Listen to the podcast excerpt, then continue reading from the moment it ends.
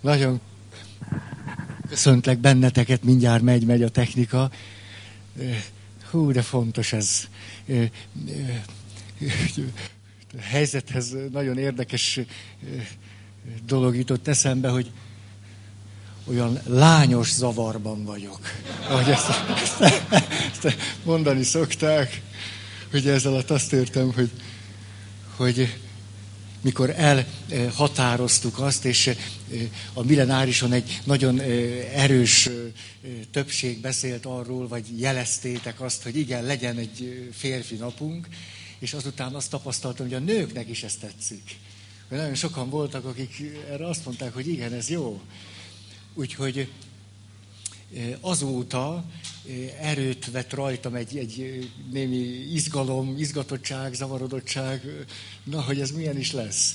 És természetesen nem akarom folytatni azt a témát, amit együtt kezdtünk el a nőkkel, hanem, hanem, hanem kifejezetten a mai alkalomra férfi témákat hoztam. És ezek a férfi témák nekünk azt gondolom nagyon fontosak. Nekem is nagyon fontosak. És mielőtt belekezdenék, azért tudjuk azt, hogy nők is hallgatnak bennünket az interneten keresztül, de őket is köszöntjük. Ugye, főleg azokat a nőket, akik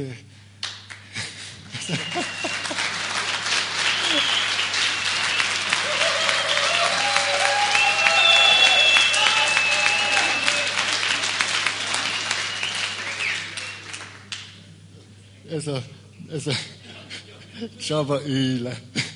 Na szóval, főleg azokat a nőket, akik most nem egyedül hallgatják, őket nagyon megértjük, és nagyon együttérzők vagyunk velük, hanem akik összejöttek többen, és így egy kis kört, vagy egy kis közösséget, vagy csoportot alkotva vagytok most velünk, nagyon köszöntünk benneteket. A ti bátorításotokra, bár nem kell titeket bátorítani, de hogy nektek üzenjük, hogy lesz, meg lesz a mai alkalomnak a párja, és lesz női nap, nem nőnap lesz, hanem női nap lesz. Áprilisnak a végén elkértük a MOM parkot, mert oda meg éppen 650-en férnek el, és akkor ez azt jelenti, ez azt jelenti, hogy akkor ott pedig a, a, ami kétszeres mondjuk létszámunk jól el fog férni. Úgyhogy meg, meg lesz az egyensúly. Jó, ennyit, a, ennyit, ennyit, ennyit erről. Két dologról szeretnék beszélni. Körbejárni több példával, történettel, veletek együtt. Én is egy, veletek együtt járom ezt körbe. Ez pedig az egyik, a hősiesség. Ez lenne az egyik, egyik nagyon fontos. Hogy, hogy mit jelenthet az életünkben az, hogy hőssé lenni, vagy hőssé válni. Majd ezt, ha kifejtem, akkor talán nem lesz annyira furcsa vagy idegen, mint hogyha ez csak rendkívüli embereknek lenne a lehetősége. És a másik pedig, ami praktikus bölcsességünk. A férfi embernek valamiféle praktikus, erkölcsi erővel átszőtt bölcsessége. Ez, ez lenne a két téma.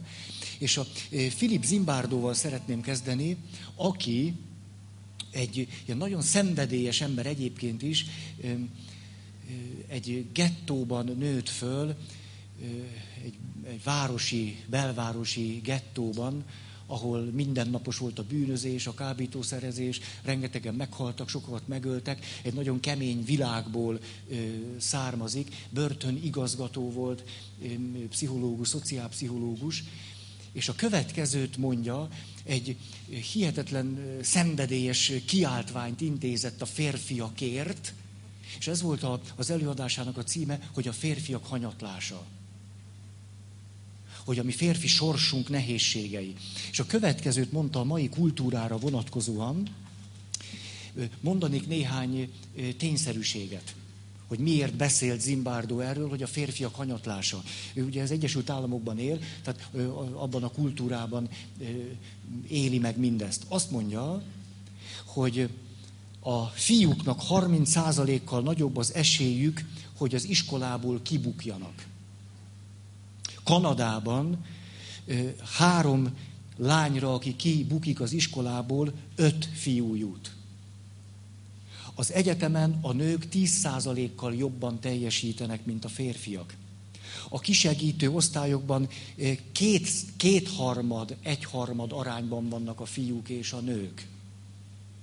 A fiúknak ötször nagyobb esélyük van, hogy figyelemzavarosnak vagy hiperaktívnak bélyegezzék őket, és abban a rendszerben gyógyszeres kezelést írjanak elő nekik. És hogyha egészen az elemi iskolától az egyetem befejezéséig ma megtesszük az összehasonlítást a férfiak és a nők között, akkor a nők minden szem, azt nem mondom minden szempontból, de a legfontosabb paraméterek figyelembevételével jobbak, mint a férfiak. 6 éves kortól 26 éves korig. Mindenben, ilyen értelemben le vagyunk maradva tőlük. Többek között ezért tette közé Zimbárdó ezt a kiáltványát, hogy, hogy mi történik velünk férfiakkal. És elkezdte kutatni, sok éves kutatás van a háta mögött, hogy mi lehet ennek az oka. És roppant érdekes dolgok jutott. Először is azt mondta, hogy a férfiakban a kutatások szerint egyre jobban növekszik a félénkség. Ennek itt több iránya van az egyik, hogy mi fiatal emberek, vagy férfiak egyre inkább félünk a nőktől. Hogy az általános iskolában, a középiskolában, de még az egyetemen is, vagy a főiskolán, a felsőfokú oktatásban megfigyelhető a férfiaknak egyfajta szorongása és félelme a nőktől. Az agykutatások azt mutatták, hogy a férfiak sokkal kényelmesebben, fesztelenebbül érzik magukat a férfi társaságban. A csoportjaikban, a bandákban, a sportegyesületben, a, a klubokban, a kocsmában, a haverokkal, a bulin, és hogy egyre e, nyilvánvalóban kimutatható, még az agyműködésben is jól látható, e, szorongás vesz e, erőt egyre több fiatal emberen, női társaságban. És ez a szorongás, tudjátok, mivel és mikor nő?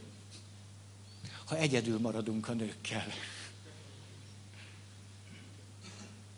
És hogy a kutatások azt mutatják, hogy ez a félelem egyrészt jelenti azt a régi és ősi félelmet, ami a mi férfi kultúránkban mindig is ott volt, amikor nekiálltunk udvarolni, vagy a nőkkel megpróbálni kapcsolatot találni, ez pedig a visszautasítástól való félelem.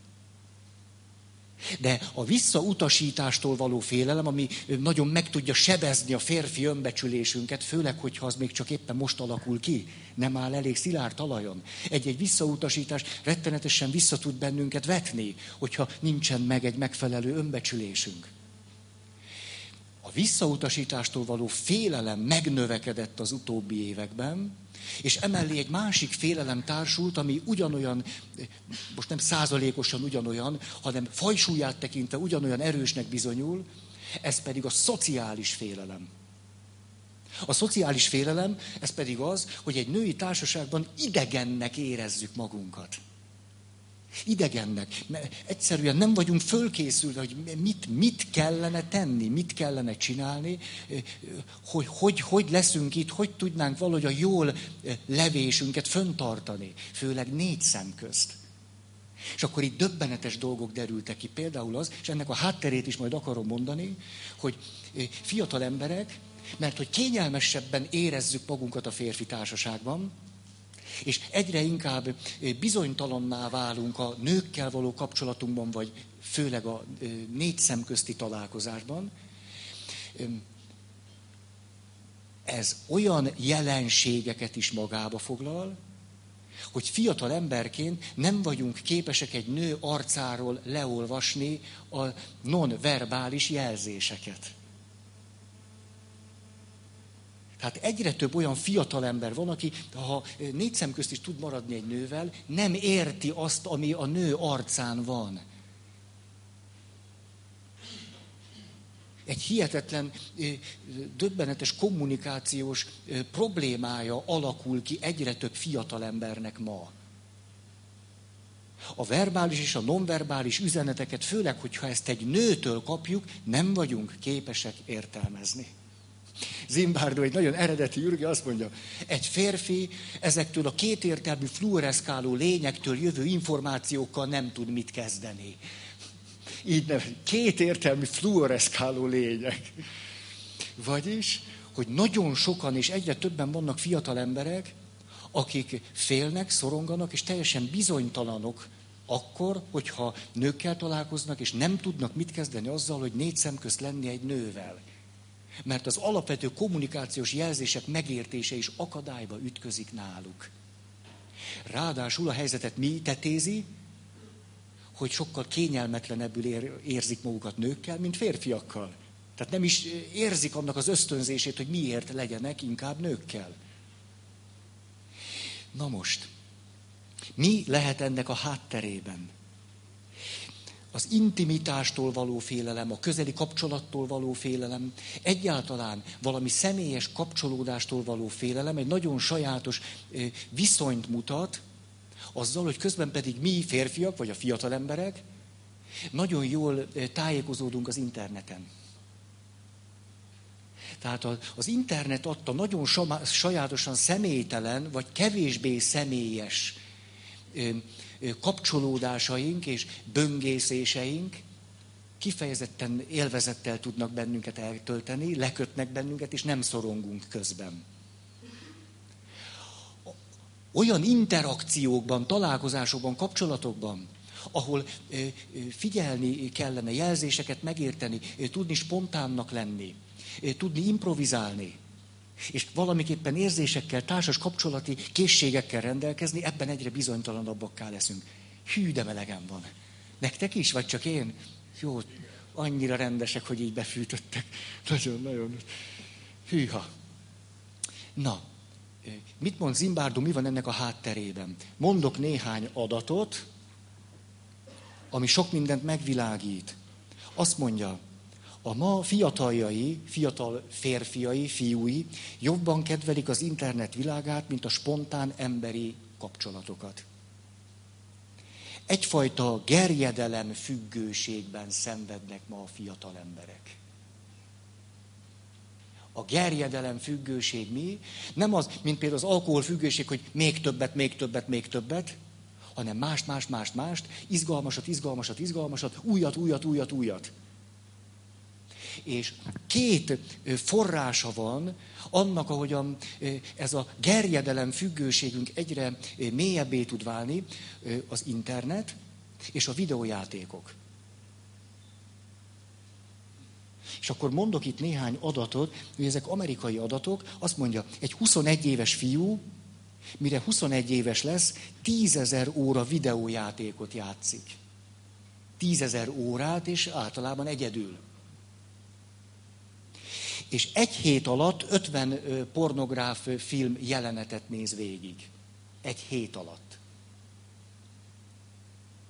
Ha semmi más nem történne, csak ez, akkor is tulajdonképpen beláthatnánk, hogy az agyunk egy hallatlanul következetes, nagyon hosszú ideig tartó, folyamatos átképzésen megy keresztül. Izgalom, izgalom, izgalom, de közben az izgalomhoz a videójátékoknak van egy nagyon sajátos pszichológiája, erről most nem akarok hosszabban beszélni, de hát nyilvánvaló a szakemberek hihetetlen, zseniálisan stimulálnak bennünket a játékokon keresztül, pontosan úgy megszabva a jutalmaknak, a, a kockázatvállalásnak, a kihívásnak, az unalomnak, az érdeklődés föntartásának és a tovább játszásnak a motivációját, hogy nagyon kedvünk legyen játszani. És játszani, és tovább játszani. És nagyon élvezni a játékot. És önfeletnek lenni benne, és elveszni benne, és, és, és, és, és. Ez lélektani szempontból hihetetlen zseniálisan kiszerkesztett és kitalált valami. Nem véletlenül olyan nagy hatást tud ránk gyakorolni. Ez azonban hat az agyműködésünkre, az idegrendszerünkre tulajdonképpen most ha sarkos akarnék lenni, úgy általában vett neveléssel szemben sokkal jobban meghatároz bennünket. De amivel szemben még egészen biztos, hogy jobban meghatároz minket, ez az iskola. Mert az iskola statikus, nem izgalmas.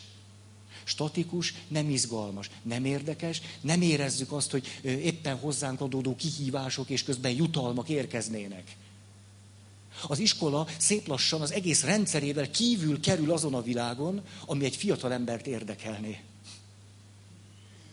De közben az agyunk is megváltozik. Az idegrendszerünk adaptálódik a rengeteg hihetetlen gyors, izgalmas, új, érdekes, izgalmas, új jutalom, de érdekes, izgalmas, új, érdekes, izgalmas ehhez a világhoz. Mi ennek a következménye? Zimbardo egy nagyon izgalmas dolgot mond, fölemeli a kezét, és azt mondja, lassú szexre van szükség. Most ezt hogy érti? Úgy érti, hogy a fiatal embereknek, nekünk, vagy nem tudom, egy következő generációnak, vagy többé-kevésbé már nekünk is, újra föl kell fedeznünk, ő ezt mondja, a kutatások alapján nagyon sok fiatal férfi még csak különbséget sem tud tenni egy pornográf jelezetben megnyilatkozó közösülés és két egymást szerető ember szeretkezése között. Nem is lát különbséget. Hiszen nem is tudja, nem is tudja a kommunikatív jeleket leolvasni, értelmezni. Mert az a világ, ahol mi szép lassan hangolódunk egymásra, találunk egymásra, értjük meg egymást, kezdünk együttérzők lenni, kezdünk egymáshoz közel kerülni, kezd kialakulni egy közös világ, egyszerűen nem ad annyi izgalmat, nem olyan érdekes, nem olyan gyors, nem olyan változatos, nem stimulál bennünket annyira. Túl lassú. Tehát ahhoz képest, amennyi időt eltöltünk ezzel a sebességgel, újdonsággal és az ezzel kapcsolatos megváltozásunkkal, tulajdonképpen minden természetes emberi kapcsolat, beleértve a férfi-nő kapcsolatot is, lassú és unalmas. Ráadásul nagyon sok energiát kell befektetni, és viszonylag kevés pozitív visszajelzés érkezik egy jól megszerkesztett videójátékhoz képest minimálisan kevés visszajelzés érkezik, mert ott állandóan nyereményeink vannak, állandóan gyűjtögetjük a pontokat, a beváltható dolgokat. Most ehhez képest, hogyha például még a jogos megerősítés sem érkezik a barátnőnktől, mert ő is éppenséggel egy olyan sebzett ember, mint mi, ez teljesen ellentmond annak a kultúrának, amiben szocializálódunk, a videójátékok, az internet és a pornográfiával kapcsolatosan. Ezért Zimbardo nagyon érdekes, sajátos módon meghúzta ezt a vészharangot. Azt mondta, hogy érdemes volna itt megállni, ezen elgondolkodni, sok mindent másképpen látni, de főleg másképp csinálni, és akkor mondott egy ilyen kifejezést, hogyha nem akarunk lesüllyedni a mesztelen csigák szintjére. És ezt a férfiakról mondta, hogy mi férfiak veszélyeztetetté váltunk. És valószínű, hogy minél fiatalabbak vagytok itt, ilyen értelemben annál veszélyeztetettebbek is vagytok. Mert a mi időnkben a Commodore 64 volt, és mire az betöltött egy programot, megittunk egy teát. Hát ezt a stimulálást nem idegeskedtünk, hogy bejönne, vagy nem jön be egyáltalán. És akkor néztünk három kört, amelyik ott cikázott a képernyőn. Ugye? Jó, és akkor a jobb játékokban a körnek volt szeme is. Hát körülbelül ez. ez. Na, annyit akarok csak itt tehát hangsúlyozni, mondjuk így, hogy ennek felesett réfa. Hogy ez itt egy, ez itt egy komoly dolog. És hogy amikor mondjuk egy fiatal ember azt mondja, hogy hát én nem is értem valahogy, hogy úgy, úgy, ez nem megy, vagy úgy, úgy, hogy ennek hátterében már nagyon-nagyon sok sajátos hangolódás van. Oké. Okay csak még egy adatot, mit gondoltok, hogy 400 hollywoodi új filmre hány új pornófilm jut? Tehát 400 hollywoodi filmre. Amerikában. Amerikában, Amerika. Tehát 400 hollywoodi filmre, mondtátok, hogy 4000, 1200, 10 ezer. Na, te jól látod ezt a kérdést. A kérdést, ugye? Nem mindegy, hogy mondjuk. 11 ezer. Az egyik legdinamikusabban fejlődő iparág. a pornófilm készítés az Egyesült Államokban.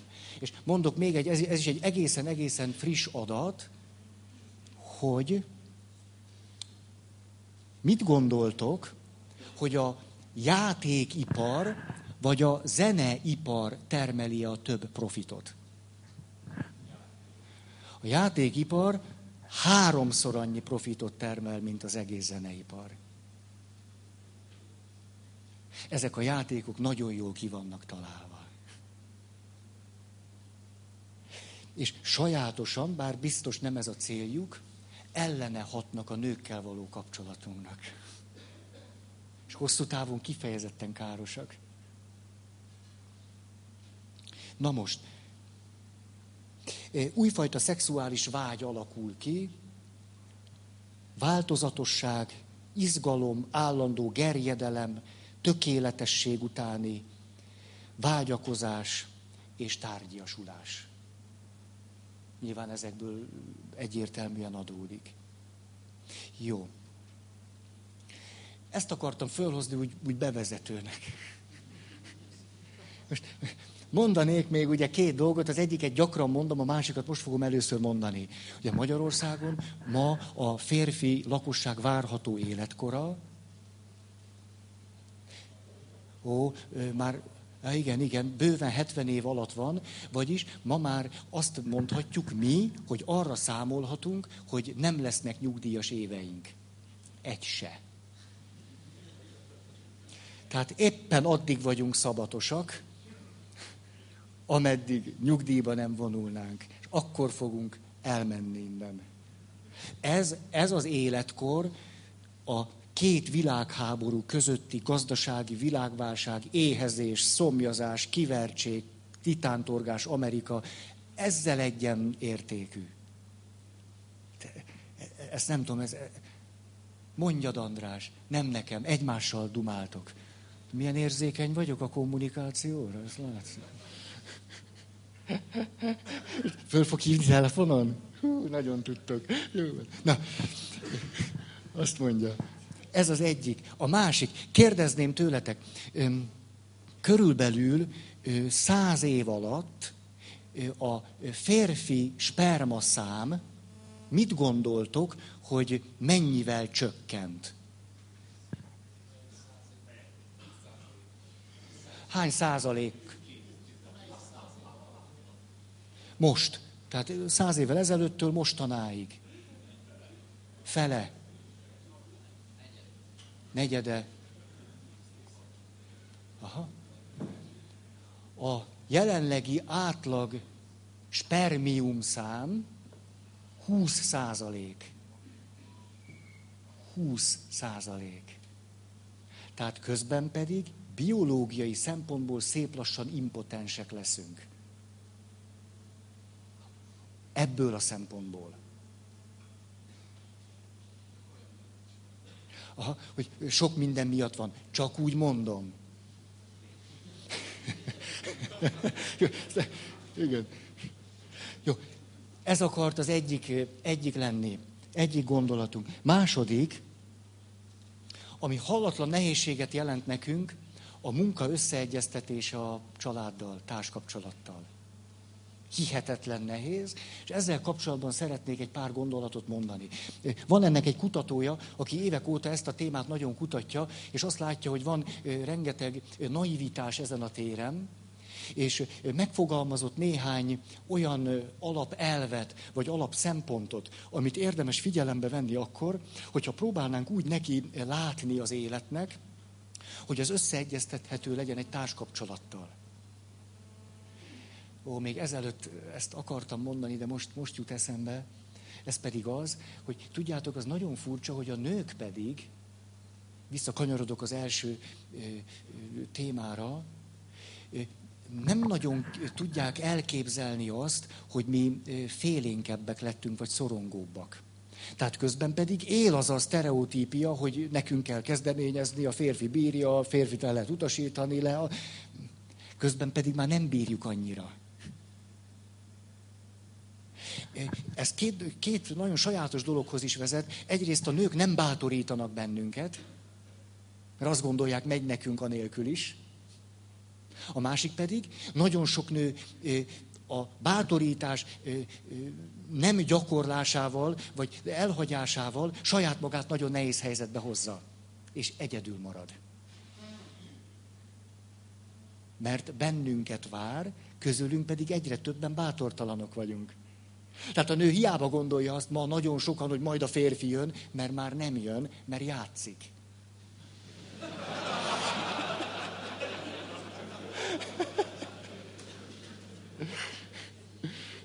És az estét, éjszakáit is nagyon jól el tudja tölteni. Na most. Nézzük akkor az első, hogy azt mondja ez a kutató, hogy érdemes leszámolni azzal a naivitással, hogy bármilyen karrier, vagy bármilyen állás összeegyeztethető egy olyan családdal, vagy egy olyan társkapcsolattal, amelyben valódi fizikai, érzelmi elérhetősége van a férfinek, vagy a férfinek, mint apának. Ó, ezt egy kicsit kacifántosan mondtam, egyszerűbben is lehet mondani. Egészen nyilvánvalóan létezik olyan fajta karrier, és egész nyilvánvalóan vannak olyan státuszok, munkák, olyan állások, amelyekben olyan elvárás nehezedik ránk, amelynek ha megfelelünk, akkor azt a családunk megsínli. Ezt egyszerűen ki kell mondani. Tehát eleve van, tulajdonképpen már eleve van egy döntésünk. És sokszor pedig, ahogy ha jó esetben, már nem tudjuk mi a jó vagy mi a rossz ebből a szempontból, de mondjuk megy előre az életünk, és legalább úgy természetszerűen lépkedünk fölfelé valami elképzelt, nem tudom én min, akkor pedig kerülhetünk olyan helyzetbe, hogy egy döntésünkkel a karrier vagy valamilyen állás mellett tulajdonképpen tudhatóan lehetetlenné tesszük a, a családdal, feleségünkkel, a gyerekünkkel való megfelelő kapcsolatot. Hogy ez tudható, és hogy ne legyünk itt naívok.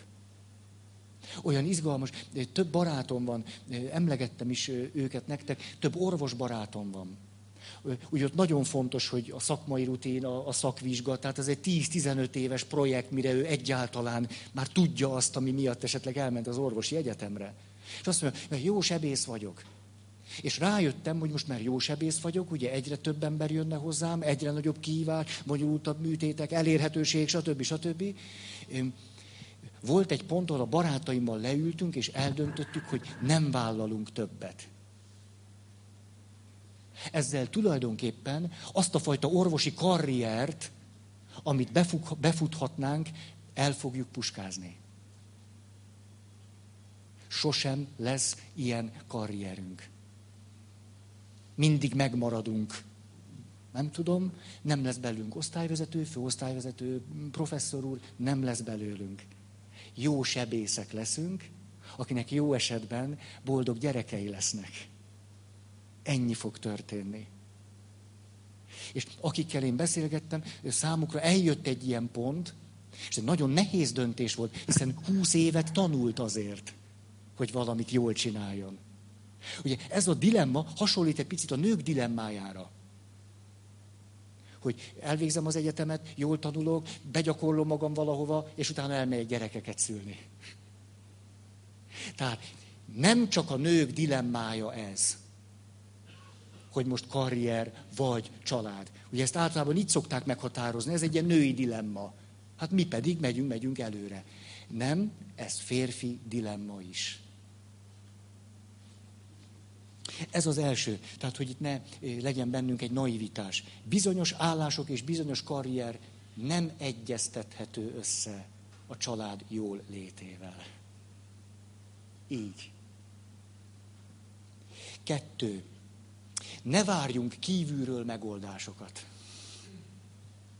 Vagyis a cégek nem érdekeltek abban, hogy a mi dilemmánkat megoldják. Legalábbis rövid távon nem érdekeltek. Ezt úgy is lehetne mondani, hogy minden egyoldalúan profit érdekelt cég alapvetően és rövid távon mégiscsak abban érdekelt, hogy te a lehető legtöbbet dolgozd És ezzel ilyen értelemben, ezen a szinten nincs mit kezdeni. Ha egy cég hosszú távon gondolkozik, és nem csak a gazdasági értek, vagy a profit vezeti őt, akkor bejönnek már más szempontok, ezt látjuk, és ez nagyon jó, hogy így van. De ha a cég rövidtávú, profit érdekelt módon működik, akkor ettől a cégtől egyszerűen nem várhatjuk a mi dilemmánk megoldását. Mert nem érdekelt benne. És még hogyha különböző szabályokkal, vagy különböző jutalmakkal próbáljuk is a rendszert megváltoztatni, ez akkor sem lesz elég. Erről majd szeretnék beszélni, hogyha hú, hát csak nehogy kinőjük az időt, de kifogjuk. Tehát ne bízzuk a megoldást kívülre. Nagyon sajátosan a felelősség az, az nálunk van és nálunk marad. Ez a második gondolat. A harmadik így szól, ne bízzuk az életminőségünket a profitorientált cégekre. Nem bízhatjuk ezt rájuk. Akkor is, hogyha hihetetlenül nehéz helyzetben vagyunk. Már, hogy van-e állásom, nincs állásom, kirúgnak. Tehát hihetetlen nehéz a helyzet. Következő. Meg kellene határoznunk azt, hogy mi len, mire lenne szükségünk ahhoz, és hogy élnénk akkor, hogyha meghatároznánk azt, meghatározhatnánk azt, hogy hogy tudnánk jól lenni, és egyensúlyban maradni. Hát a munka, a karrier, hivatás és a család gyerekek között. De akkor itt egy nagyon érdekes dolog van. Végül is, hogyha egy viszonylag egészséges férfit megkérdeznek, hogy hogy töltené el egy napját, akkor azt hogy írhatnánk le? Ugye izgalmas lenne, hogy gyorsan megkérdeznék hármótokat, és elmondok egy ilyen fiktív valamit, hogy úgy, úgy, úgy nagyjából. Tehát ahol már feleség van, van néhány gyerek, hogy, hogy, hogy festez? Azt mondja, hát reggel azért mondjuk úgy ébrednék föl szívesen, hogy már kialudtam magam. Ez nem volna rossz. Tehát kialudtam fölébredni. Most, ha sikerült volna kialudtam fölébredni, akkor legszívesebben azért egy kis szexel kezdeném. Normális.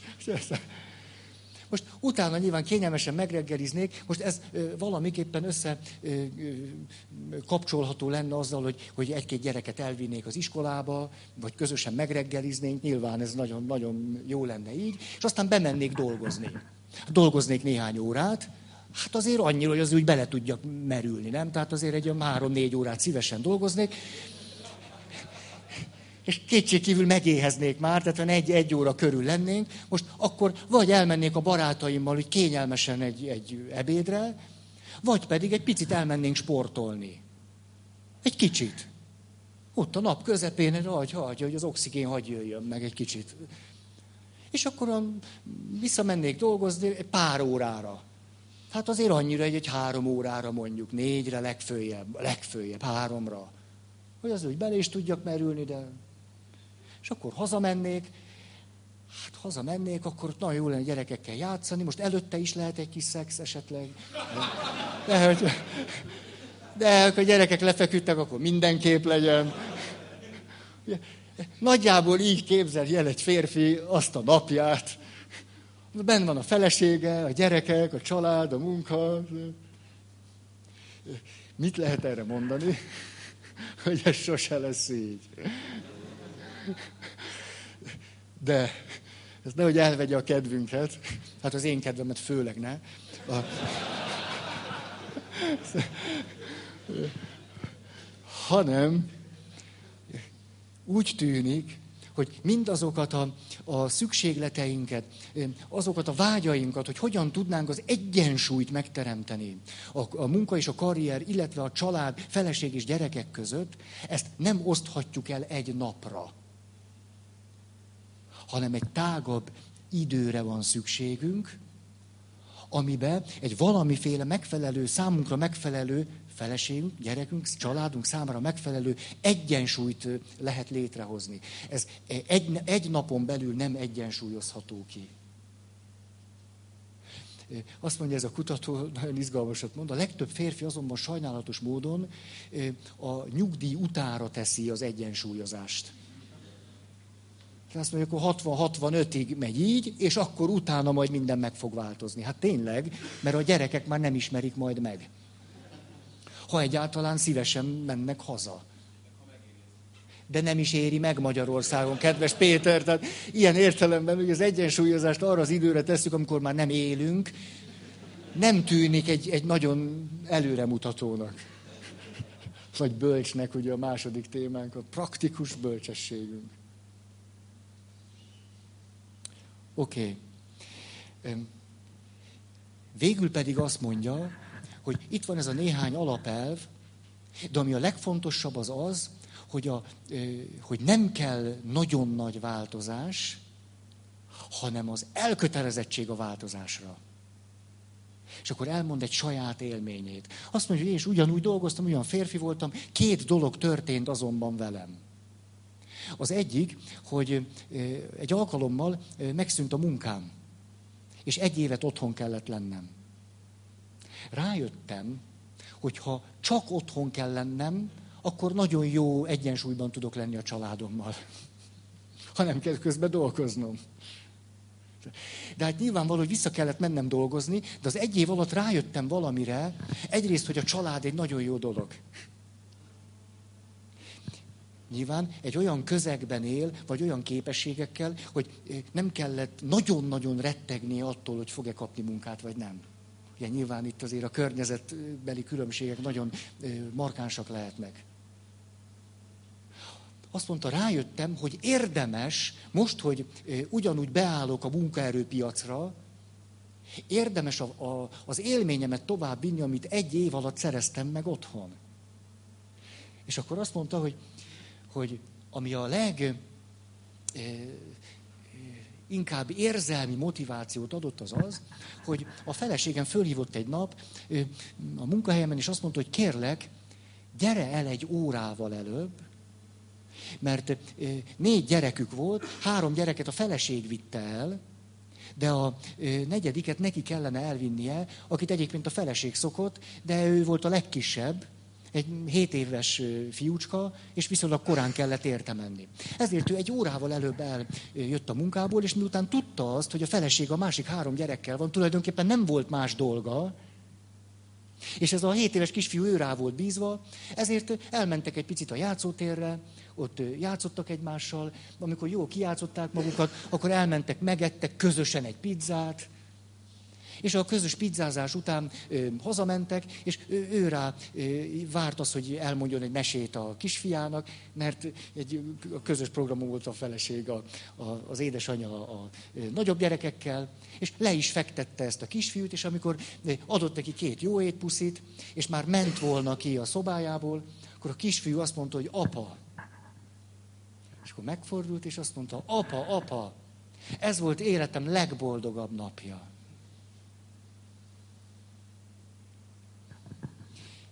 És akkor ez a férfi rájött arra, hogy egy kicsi változás is elég lehet. Lehet, hogy csak egy óra. De hogy amiben a nagy eltökéltségre van szükség, az a változtatni akarás hogy nem akarok úgy élni, hanem valahogy másképpen. És ha ez megvan, akkor már meg lehet az a praktikus bölcsességünk, az a finomságunk, érzékenységünk, hogy azokat a kis változásokat meg tudjuk hozni. És az egyensúlynak nem kell egy nap alatt létrejönnie. Mert az lehetetlen. Egy olyan világban élünk, hogy lehetetlen. Ennyit akartam erről a nehézségről kicsit olyan táviratian mondjuk. Azt mondja, most jön talán az egyik legérdekesebb, nézem az órát, puha. Stanley McChrystal Dondár tábornok. Amerikai, 46 éves, tehát egy óriási karrier, sok csillagos tartott egy előadást arról, hogy katonai csúcsvezetőként, afganisztáni háború, iraki háború, minden, ami kell. Egyébként ö, ö, ejtőernyős. Kiképző, és a többi, és a többi, ezeket nem is mondom. Azt mondja, hogy szeretném megosztani veletek, mit tanultam meg ez alatt a ö, ö, több mint húsz év katonaság alatt. Főleg arra vonatkozóan, hogy ö, hogy tudunk jól vezetni, hogy tudunk jól kompetensek lenni. És akkor a következőket mondta, ezeket szeretném nektek elsorolni. Az első így szól. Egy jó vezető engedi, hogy elbukj, de nem engedi meg, hogy kudarc legyél. Tehát egy jó vezető megengedi, mert olyan kihívásokat is intéz feléd, amiben megvan annak a lehetőség, hogy ne tud megcsinálni, hogy elbukj. De nem engedi meg, hogy aztán úgy értelmezt, hogy béna vagy. Hogy szerencsétlen vagy, nyomorult vagy, hülye vagy. Hogy semmire kellő vagy, szerencsétlen, bénaság vagy. Ezt nem engedi meg. Ez egy nagyon, nagyon izgalmas különbségtétel. Megengedi, hogy kudarcot szenvedj, de azt nem, hogy te azt gondold, hogy te egy kudarc vagy. Ezt nyilván az önbecsülésünk szempontjából is mondom, mint saját magunk főnökének. Mindenki saját maga főnöke először is. A második azt mondja, rájöttem a majdnem három évtized után, hogy nagyon fontos dolog, talán az egyik legfontosabb, hogy folyamatosan megerősítsem a társaimat. És ennek van egy párja, és ez alapján bizalmat kaphassak tőlük. És most szeretnék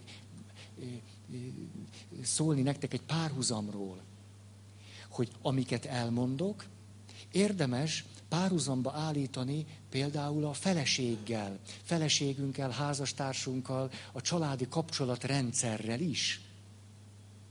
Hogy amit egy katona, katonaként a beosztottjaival kapcsolatosan értéknek lát, azok olyan izgalmas értékek és kincsek, amelyek még egy társkapcsolatban is messze menően használhatók. Ez számomra elég megdöbbentő. Mert lehetne az az előítéletünk, hogy na hát a katonaság az egy másik műfaj. Ott a férfiak olyan férfi módra vannak. És kiderül, hogy egy dandártábornok, aki megjárta a hadak útját, azt mondja, hogy nem így van.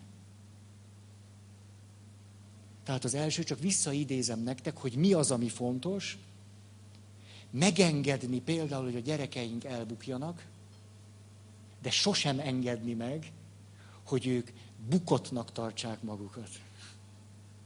Rossznak, bénának, nyomorultnak. Második, erősíteni a társaim. És milyen szép az, erősíteni a feleségem. Folyamatosan és kitartóan erősíteni a feleségem. Mert folyamatos bevetésben van. Iszonyú nehéz, amit csinál. Nagyon nehéz. Ezért folyamatosan megerősítem a feleségem, a párom, a szerelmem, és ezért, nem, nem csak ezért, tehát nem mint valami adok-kapok, mint valami üzlet, de a szó nemes értelmében ezért őtőle bizalmat fogok kapni. És ez egy jó vásár. Látom a páromat, ahogy bizalommal néz rám. Megbízik bennem. A harmadik. Azt mondja, nagyon fontos, hogy erősítsem a beosztottjaim és a katonatársaim hitét. Hogy tudjanak hinni és bízni. De nagy dolog, mikor azt tudjuk mondani a gyerekünknek, hogy menni fog. Tudom, hogy menni fog. Ügyes vagy. Hát hogy megcsináltad azt múltkor? Na jó. A feleségünket, vagy a, a párunkat bátorítani. Nincs is annál könnyebb, mint amikor egy férfi cikiz egy nőt. Sokszor miért is? A bizonytalanságunk miatt. A esendőségünk miatt. Hogy téblábolunk, és akkor ez úgy adja magát, hogy akkor beszólok. Nagyon olcsó én erősítő mód. Pont, pont azt csinálom, amitől a kapcsolat tönkre megy, ha egyáltalán elindult. Oké? Okay? A negyedik pont így szól, meg kell találnunk azt, hogy hogyan válhatnak a céljaink közös céllá. Közös célok. Mennyit beszéltünk erről? És akkor egy amerikai dandártábornok is ezt mondja. Nincs győzelem, ha nincs közös cél. Közös cél. Oké? Okay? Ah, kicsit olyan, olyan nyögvenyelős, ez érzem, hogy mindjárt mondok egy kis sztorit. És akkor... Igen, csak úgy, úgy ráharaptam erre a témára, és akkor nehéz az egyensúlyt megtalálni, hogy mert minél több, az legyen a tarsolyba, tudjátok, elérhető legyen, és lehet, egy kicsit unalmassá válik. Na, ötös. Figyelni és tanulni a beosztottaktól. A gyerekeimtől tanulni. Nem mindig tudni a tutit, és megmondani, mit csináljon. Érzékenynek lenni a gyerekekre. Mit hoz most? Ez tulajdonképpen micsoda ez? Hogy is van? És a hatodik pont azt mondja, vigyázni egymásra. És akkor most elmondok egy történetet, ha jól emlékszem, Pakisztánban volt egy 8,2-es földrengés, hát ez már vagy 10-15 évvel ezelőtt. És a, a földrengésben szinte csodával határos módon két nap után egy romhalmazzá vált iskolának a romjai alatt megtaláltak több mint tíz gyereket, akik azt túlélték, Mégpedig két oknál fogva az egyik, hogy amikor összedőlt az iskola, akkor nagy betontömbök valahogy úgy zuhantak egymásra, hogy egy sátrat képeztek. Ilyen sátor tetőszerű módon estek egymásnak, és akik ott közelben voltak, lehetőség volt, gyerekek be tudtak bújni alá. 15 vagy 16 gyerek élte túl a 31-2 fős osztályból de ez csak az egyik. Mert a gyerekeket nem, lehet se, nem lehetett se látni, se hallani kívülről. Csak hogy volt egy apa. És amikor megvolt a földrengés, a gyerek az iskolában volt, az apa máshol volt, az apa kiszaladt az épületből, nem lett semmi baja, és tudta, hogy a kisfia bent van az iskolában. És ezért elszaladt az iskolához a fiáért, és látta, hogy az épület teljes romhalmaz lett. És akkor azt gondolta, mint a többiek is, hogy ott már álltak a jajveszékelő apák és anyák, hogy ennek most itt vége van. És egyszer csak eszébe jutott valami. Ez pedig az, hogy mindig azt mondta a fiának, hogy fiam, számíthatsz rám. Tudhatod, hogy számíthatsz rám. Hogy nincs olyan élethelyzet, hogy ne számíthatnál rám.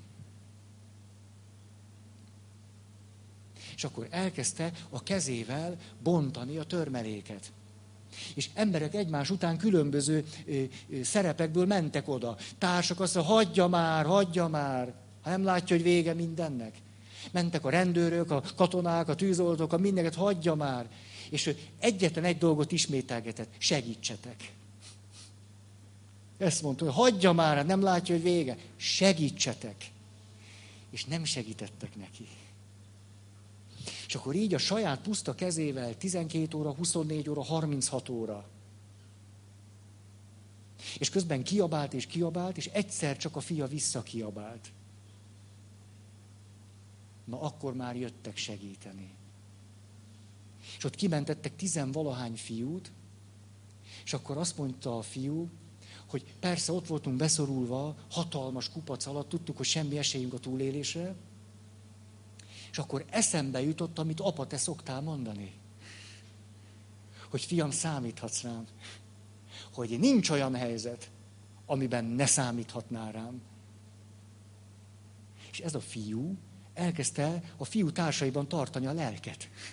Azt mondja, higgyétek el, az apám azt mondta, hogy lehet rám számítani. Hogy lehet rá számítani. És most visszatérek ehhez a katonához, aki a következőt mondja, Ranger alakulat tagja. Azt mondja, hogy tesznek egy ígéretet egymásnak. Ez az ígéret nagyjából ugyanígy szól, hogy számíthatsz rám. És a tábornok azt mondta, a mostani hadviselésben egyre nagyobb szerepe van a személyes kapcsolatoknak. És azt mondta, egyszer összeültem egy öreg katonatársammal, aki sokat volt nehéz helyzetben, és azt mondta, tudod miért tudom csinálni, mondta neki a katonatársa. Azt mondta azért, mert tudom, hogyha egy lehetetlen zűrös helyzetben vagyok, és te élsz, akkor el fogsz jönni. Ezért ezt tudom csinálni.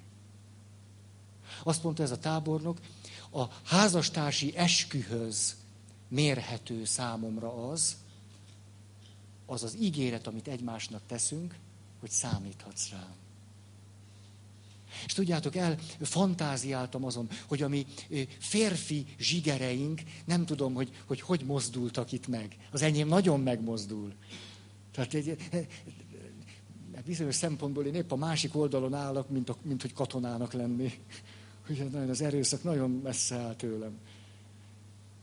De a történetek, hát jön föl, itt megy a libabőr a hátamon.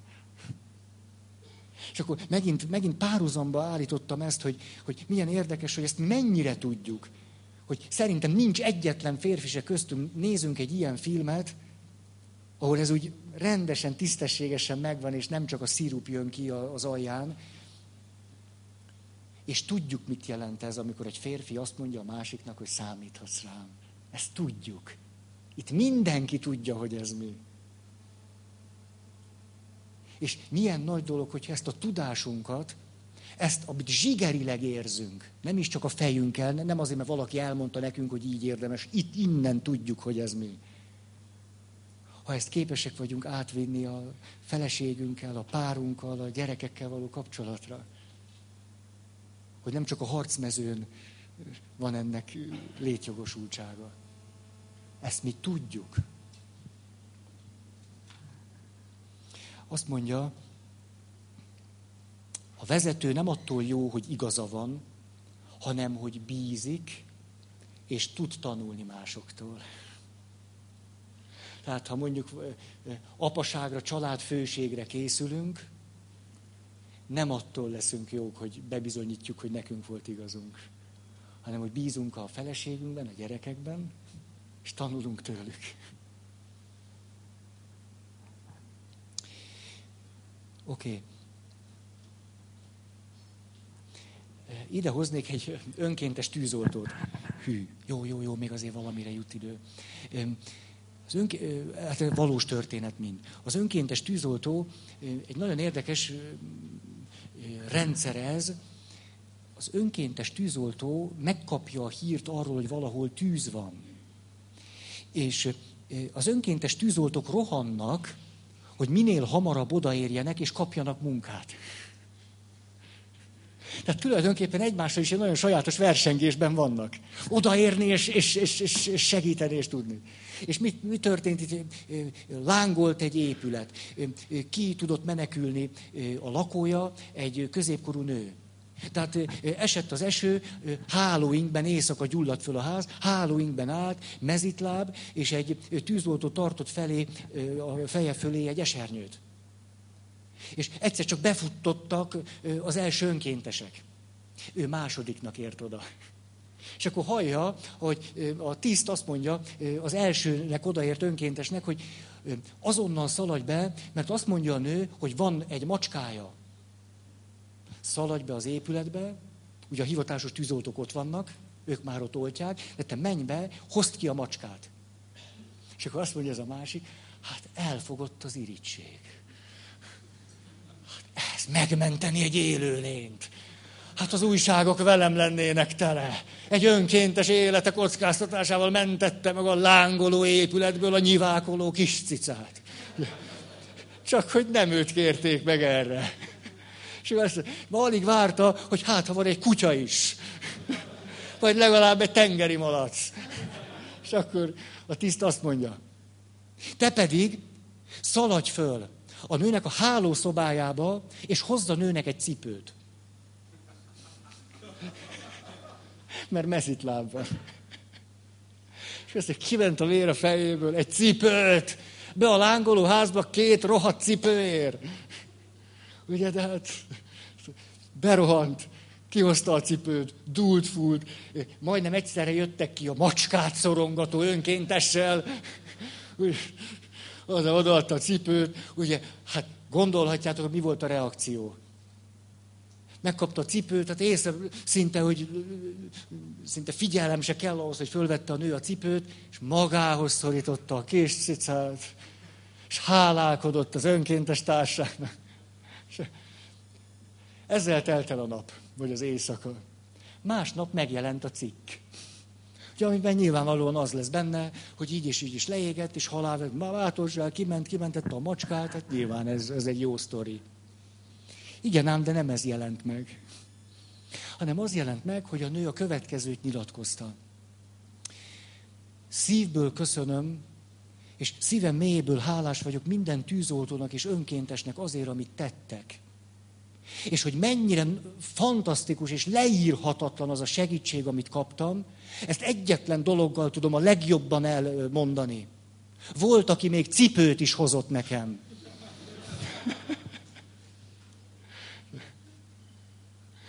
És akkor ez a tűzoltó azt mondja, önkéntes, hogy rájöttem, hogy a kis hőstetteknek is óriási jelentősége van. Nem érdemes várni a nagy dobásra. Hogy sokszor azoknak a kis dobásoknak óriási jelentősége van.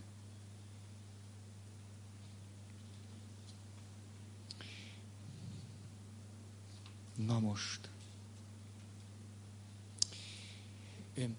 Egy picit még akkor a hősiességről, és aztán pedig a praktikus bölcsességről, és akkor azt mondja, Zimbardo, megint őt hozom egy másik előadására hivatkoznék, bírósági szakértő volt az Abu Ghraib börtönben elkövetett embertelenségek ügyében.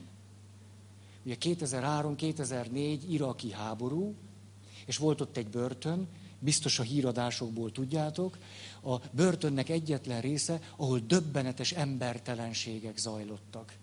Döbbenetes megaláztatások, kínzások, gyilkosságok, egyszerűen kivetkőztek magukból katonák, amerikai katonák. Ő bírósági szakértő volt ebben a perben, ezért a rendelkezésére bocsájtották a hihetetlen sok videófelvételt, mert a katonák nagyon sok videófelvételt készítettek a kamerákkal, telefonnal és minden egyébbel. És ő, ő volt az egyik szakértője ennek a kérdésnek, és természetesen azt várták tőle, hogy megmondja, hogy ki a felelős. Ki a felelős ezért a három hónapon keresztül tartó embertelenség sorozatért. És azt mondta, hogy a kutatásaim nyomán azt kell mondanom, hogy a kérdés nem jó, hogy ki a felelős, hanem hogy mi a felelős. És akkor azt mondja, először is egy rendszer a felelős. Egy rendszer, most nem, nem önmagában egy amerikai vagy egy akármilyen politikai rendszer, hanem a rendszer. A rendszer, amiben ez megtörténhet. Tehát először is a rendszer, a rendszernek pedig a hatalomhoz fűződő viszonya. Az, ahogyan a rendszerben a hatalom működik. Második pont. Nem elég, hogy a rendszer és a rendszerben működő hatalom az, ami oka ennek az embertelenségnek. Azért beszélek az embertelenségről, mert azt mondja Zimbárdó, hogy bármelyikünk lehet gazember és hős. És hogy lássuk, hogy mi van a másik oldalon. Azt mondja, először kell egy rendszer, és kell a rendszerben a hatalomnak egy sajátos működése, ráadásul a hatalomnak egy olyan fajta működése, amelynek nincsen ellenőrzése. Azután ez a rendszer, amelyik nagyon sajátosan ö, ö, működteti a hatalmat, ebben a rendszerben létrejönnek helyzetek. Hát a második ok azok a helyzetek, amelyek a rendszer működéséből adódnak. És azt mondja a harmadik, ezek a helyzetek pedig nagyon erős hatást gyakorolnak ránk.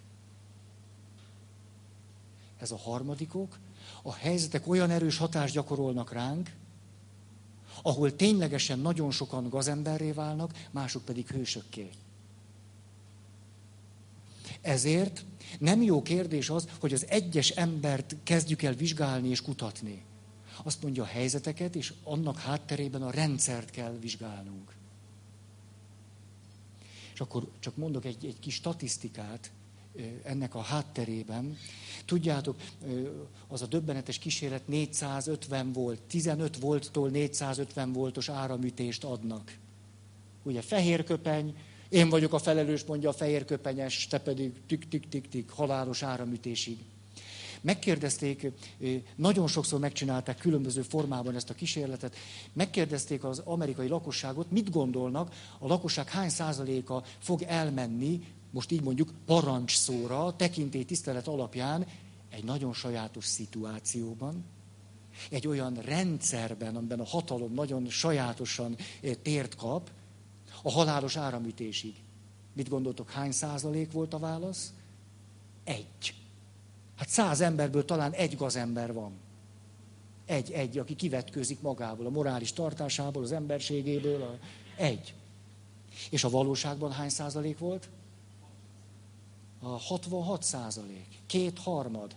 Két harmad a halálos áramütésig elment. Két harmad.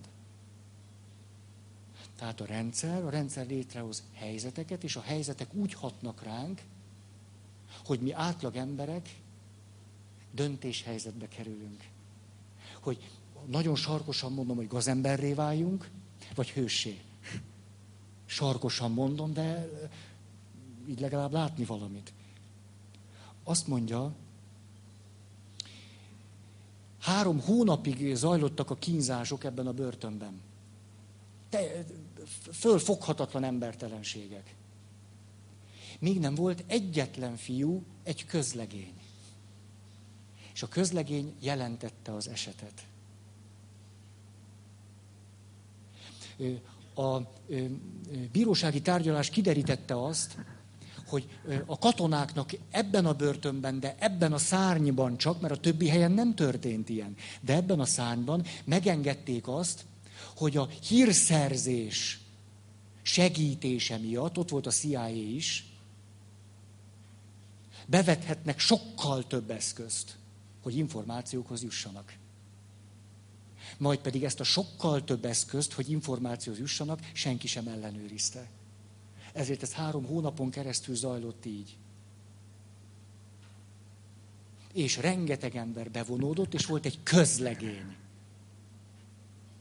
aki jelentett, és egyszer csak kipattant az egész ügy. Tudjátok, mi történt a közlegénnyel?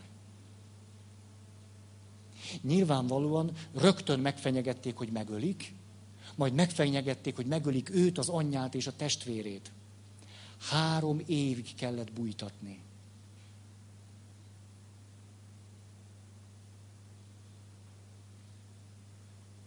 Nem adták olcsón. Azt mondja az Imbárdó, a hősiességnek két kulcsa van. Az egyik, cselekedni akkor, amikor mások passzívak. Ugye ebben az esetben mindenki belement, vagy tette, vagy nem tette, de nem szólt. Ez a közlegény szólt. Tehát cselekedni, amikor mások passzívak. És a második, én központuság helyett társas központúan látni az életet. És itt mond egy nagyon érdekes dolgot. Azt mondja, a legtöbb férfi fülében, amikor egy nehéz helyzet van, mint hogy a közlegény is hallhatta szinte az édes anyjának a hangját, aki azt mondja, vigyázz fiam, ne ásd bele magad. Az édesanyáknak az a dolga, hogy azt mondja, hogy vigyázz fiam. Vigyázz magadra, fiam, vettél sapkát. Nálad van a kesztyű. Tíz órai, van elég pénzed? Ez az édesanyák normális kérdése. És azt mondja, mi férfiak, ha csak az édesanyánk hangját halljuk, hogy vigyázz magadra, fiam, ne ásd bele magad, nincs semmi között hozzá, akkor nem leszünk hősek. De hogy létezik egy apai hang, akkor is, hogyha az apánk ezt mondta, és akkor is, hogyha nem mert mi magunk is válunk apává, és válhatunk apává, és mondhatjuk magunknak. Ez pedig az, hogy törődj másokkal. Hogy fiam, neked az ne legyen mindegy, hogy ő hogy van. És ebből a szempontból a mi férfi természetünknek ez egy óriási ereje, hogy mi evolúciós szempontból kaptunk egy sajátos lehetőséget. Ez pedig az, hogy egy nőnek természetes közege a család. És lesz belőle egy anyatigris. Mi pedig természetes módon állandóan tovább szeretünk látni, mint a család. Ez nagyon nagy lehetőségünk. Hogy ha már a férfi természetből adódik, hogy távolabb szeretünk látni. Ugye egy asszony mindenét odaadja a családért. Mi meg szeretünk meghalni a nemzetért. Vagy a hazánkért. Ugye? Most csak nagyon egyszerű példa. Hogy akkor, ha már így vagyunk kitalálva, hogy messzebb látunk, ez nekünk nagy segítség. Na most, két dolog. Elkezdtek Zimbardo egy kollégájával hős kurzusokat tartani. És a hős kurzusok gyerekeknek szólnak. És azt mondja, a gyerekekben élet tévképzet, amit mi megszoktunk erősíteni. Ez pedig így szól, a hősök azok, akik rendkívüli emberek. És ezek a rendkívüli emberek a rendkívüliségüket nagyon természetszerűen használják. Ugye, tehát például képes vagyok a pókhoz hasonló nyákot eregetni magamból, és én vagyok a pókember. És ha én vagyok a pókember, tulajdonképpen én egy rendkívüli személy vagyok, de a rendkívüliségemet természetes módon használom. A Superman rendkívüli, mert tud repülni, és hát akkor repül is. Azt mondja Zimbardoék, ez egy nagyon téves modell. Ugyanis a hősök nem rendkívüli emberek, akik a rendkívüliségüket használva természetes dolgokat tesznek, hanem fordítva van. A hősök a leghétköznapibb, legegyszerűbb, legátlagosabb emberek, akik fölismerik a helyzetet, amiben rendkívüli dolgot lehet tenni. Azt mondja, a fiúkat megtanítjuk arra, hogy ők potenciális hősök. És hogy érzékenyé lehet tenni bennünket arra, hogy érzékenyek legyünk a helyzetekre, amiben valami többet tehetünk. Cselekedhetünk ott, a legtöbb ember passzív. És észrevehetünk másokat ott, ahol legtöbb ember magát látja, és az édesanyja hangját hallja. Tehát a hősök egyszerű hétköznapi emberek, akik fölismerik a helyzetet, és ezért rendkívüli dolgokat tudnak tenni. És itt egy afroamerikai embert hoz példának, mind megtörtént dolog, egy ö, ö, ö, két gyerekes apa. Beesik valaki a metróban a szerelvényre várakozva a sinek közé. De föltetően azért esik benne rosszul van, és ott van a sinek között, és látni valóan nem cselekszik magáért. Az illető fehér. Ez a, most így mondom egyszerűen, ez a fekete férfi, miközben két gyerek várja otthon, beugrik a sinek közé, és mert látja, hogy az illető tehetetlen, és annyi idő nincs, hogy őt kivegye onnan, mert hogy jön a szerelvény, ezért a, a két sín közé fekteti, és mert látja, hogy nincs tudatánál, meg akarja őt védeni, és ráfekszik. Amikor rekonstruálták az eseményt, az derült ki, hogy a vonatszerelvény alja és a föld között 53 cm van. Megkérték ezt a két embert, hogy megint csinálják meg azt, amit csináltak, 52 centi magasak voltak. Ja, mind a ketten túlélték, és akkor megkérdezték ezt az embert, hogy hogy volt erre képes? Ott állt 75 ember a peronon. Miért pont maga? Azt mondja, ezt bárki meg tudta volna tenni. És tulajdonképpen igaza van. Bárki oda tud ugrani, le tud hasalni. Bárki. Akkor, ha ott van bennünk az, hogy hőssé bármelyikünk lehet, az egyszerű ember válik hőssé. Fölfedezi a helyzetet, És képes akkor is cselekedni, amikor mások nem. Ezt miért hozom ide? Megint, megint nem egyszerűen csak, mint valami férfi témát akarom, vagy valaminek az idealizálását, hiszen ezek valós történetek. Ha ezt a társkapcsolat felé visszük, hogy abban meglátni mindezt a lehetőséget. Akár abban is. Jó, hi, aj, haj, haj. Na, a praktikus bölcsességet már nem mondom el. Inkább, inkább egy, egy sztorit elmondok még. A, a praktikus bölcsességből csak egyetlen dolgot akarok. Elmondom a velejét. Elmondom a velejét. Azt mondja, hogy mondok egy sztorit, a velejét, és még egy sztorit, jó? És akkor... Ó, jaj, jaj, jaj. De nehéz műfaj ez. A sztori így szól, Arisztotelésznek volt egy hihetetlen érdekes fölismerése. Ő, ő, ő, az ő gondolatai közül való ez, amit így fordítanak le, vagy így fordítottak le, hogy praktikus bölcsesség. Azt mondja, hogy azt látta, hogy építészek, hát ókorban vagyunk, hatalmas kő tömböket formálnak meg, de ezek a kőtömbök oszlopok lesznek, tehát kör alakúra kell őket formálni, de valahogyan meg kell mérni a kerületüket. Igen, ám de a bevett szokás az, hogy, hogy vonalzók vannak. És hát ez nem egy meglepetés számunkra, de a görögök kitalálják a hajlítható mércét. Ugye azt egy kicsit hasonlóan, mint ahogy ez a, hogy mondják ezt, ti tudjátok. Hát a szóstok nem, mert az nem, hát az a nem tud. Mérőszalag, ezt akartam, mérőszalag. Mérőszalag. Tehát az ókoriak föltalálják a mérőszalagot. Azt mondja erre Arisztotelész. Ez döbbenetesen érdekes. Néha a mértéket kell rugalmasan hajlítani. Szóval praktikus bölcsességgel az rendelkezik, aki ismeri, tudja, megbecsüli a szabályokat, és képes azokat rugalmasan hajlítani. Azért, hogy az az életet szolgálja. És mond itt egy döbbenetes történetet, egy fiatalember elveszti az állását.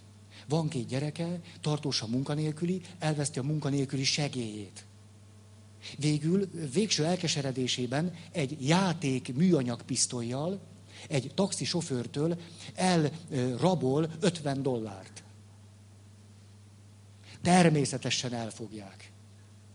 Ja, bíróság elé kerül az ügy, a rablásnak a minimális büntethetőségi tétele Kettő év.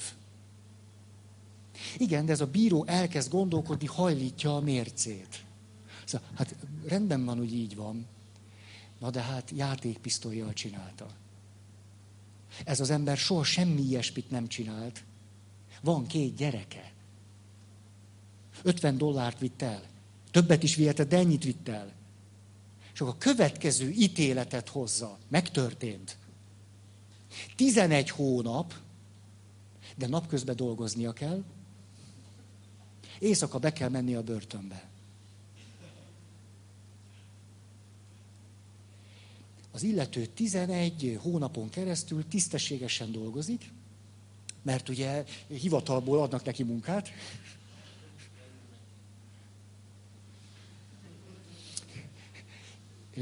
Éjszaka bemegy a börtönbe. Letelik, utána kap munkát, eltartja a családját, természetesen semmi ilyesmit tovább nem tesz. Mi történik? Az ügyész per újra felvételt kér, egy másik bíróhoz kerül az ügy.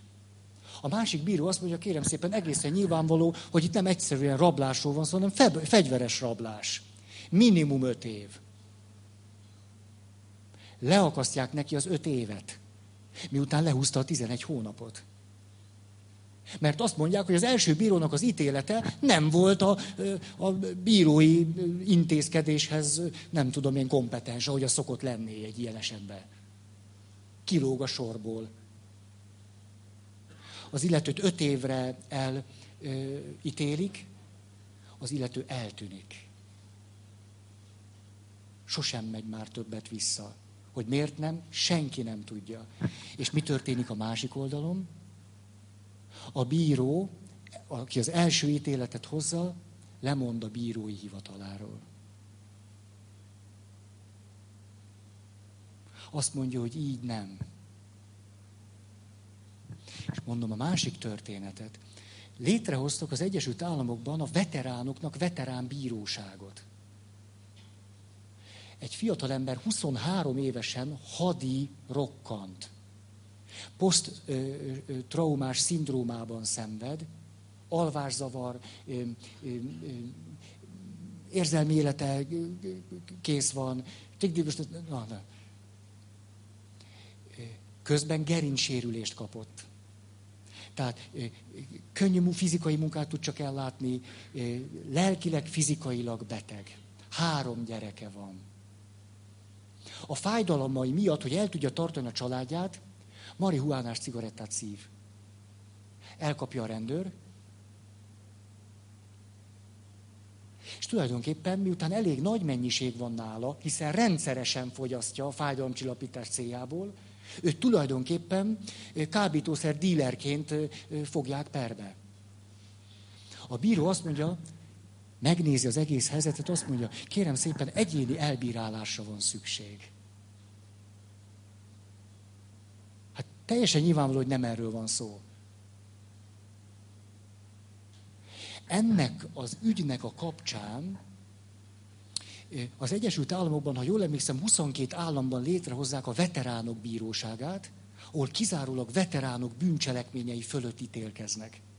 És akkor azt mondja, ez a valaki, aki az előadást tartotta, jelen napig 103 ügy volt. Mind a 103-at személyes elbírálás alapján kezelték, és hoztak meg különböző ítéleteket. Arra törekedve, hogy az illető ne kerüljön börtönbe, hogy aztán, hogy aztán ott kriminalizálódjon, és megint börtön, és megint. És mit gondoltok, hogy a 103 férfiből vagy nőből hányan követtek el újabb bűncselekvényt és jutottak börtönbe? Egy se. És a Barry Schwarz, aki ezt a ö, ö, példát elhozta, ő azt mondja, és akkor ez a vége. Azt mondta, hogy egy olyan világban élünk, ahol, ahol két irányba kellene mennünk. Az egyik, már az is nagy dolog, hogyha vagány csibészé válunk, mint mondjuk ez a bíró. Aki tudja, hogy ez a törvény, ez a rendszer, és megpróbál normális maradni. Hogy amikor este belenéz a tükörbe, akkor ne legyen rossz érzése. Azt mondja, de ha vagány csibészek leszünk, eléggé szélmarom harcot kell majd folytatnunk. Azt mondja, érdemesebb azt tenni, mint amit ez a bíró tesz, megváltoztatni a rendszert.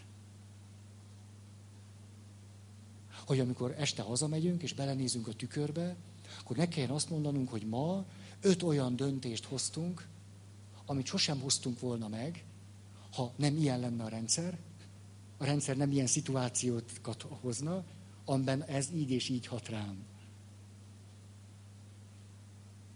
Ezzel most befejezem. Nagyon köszönöm a figyelmeteket.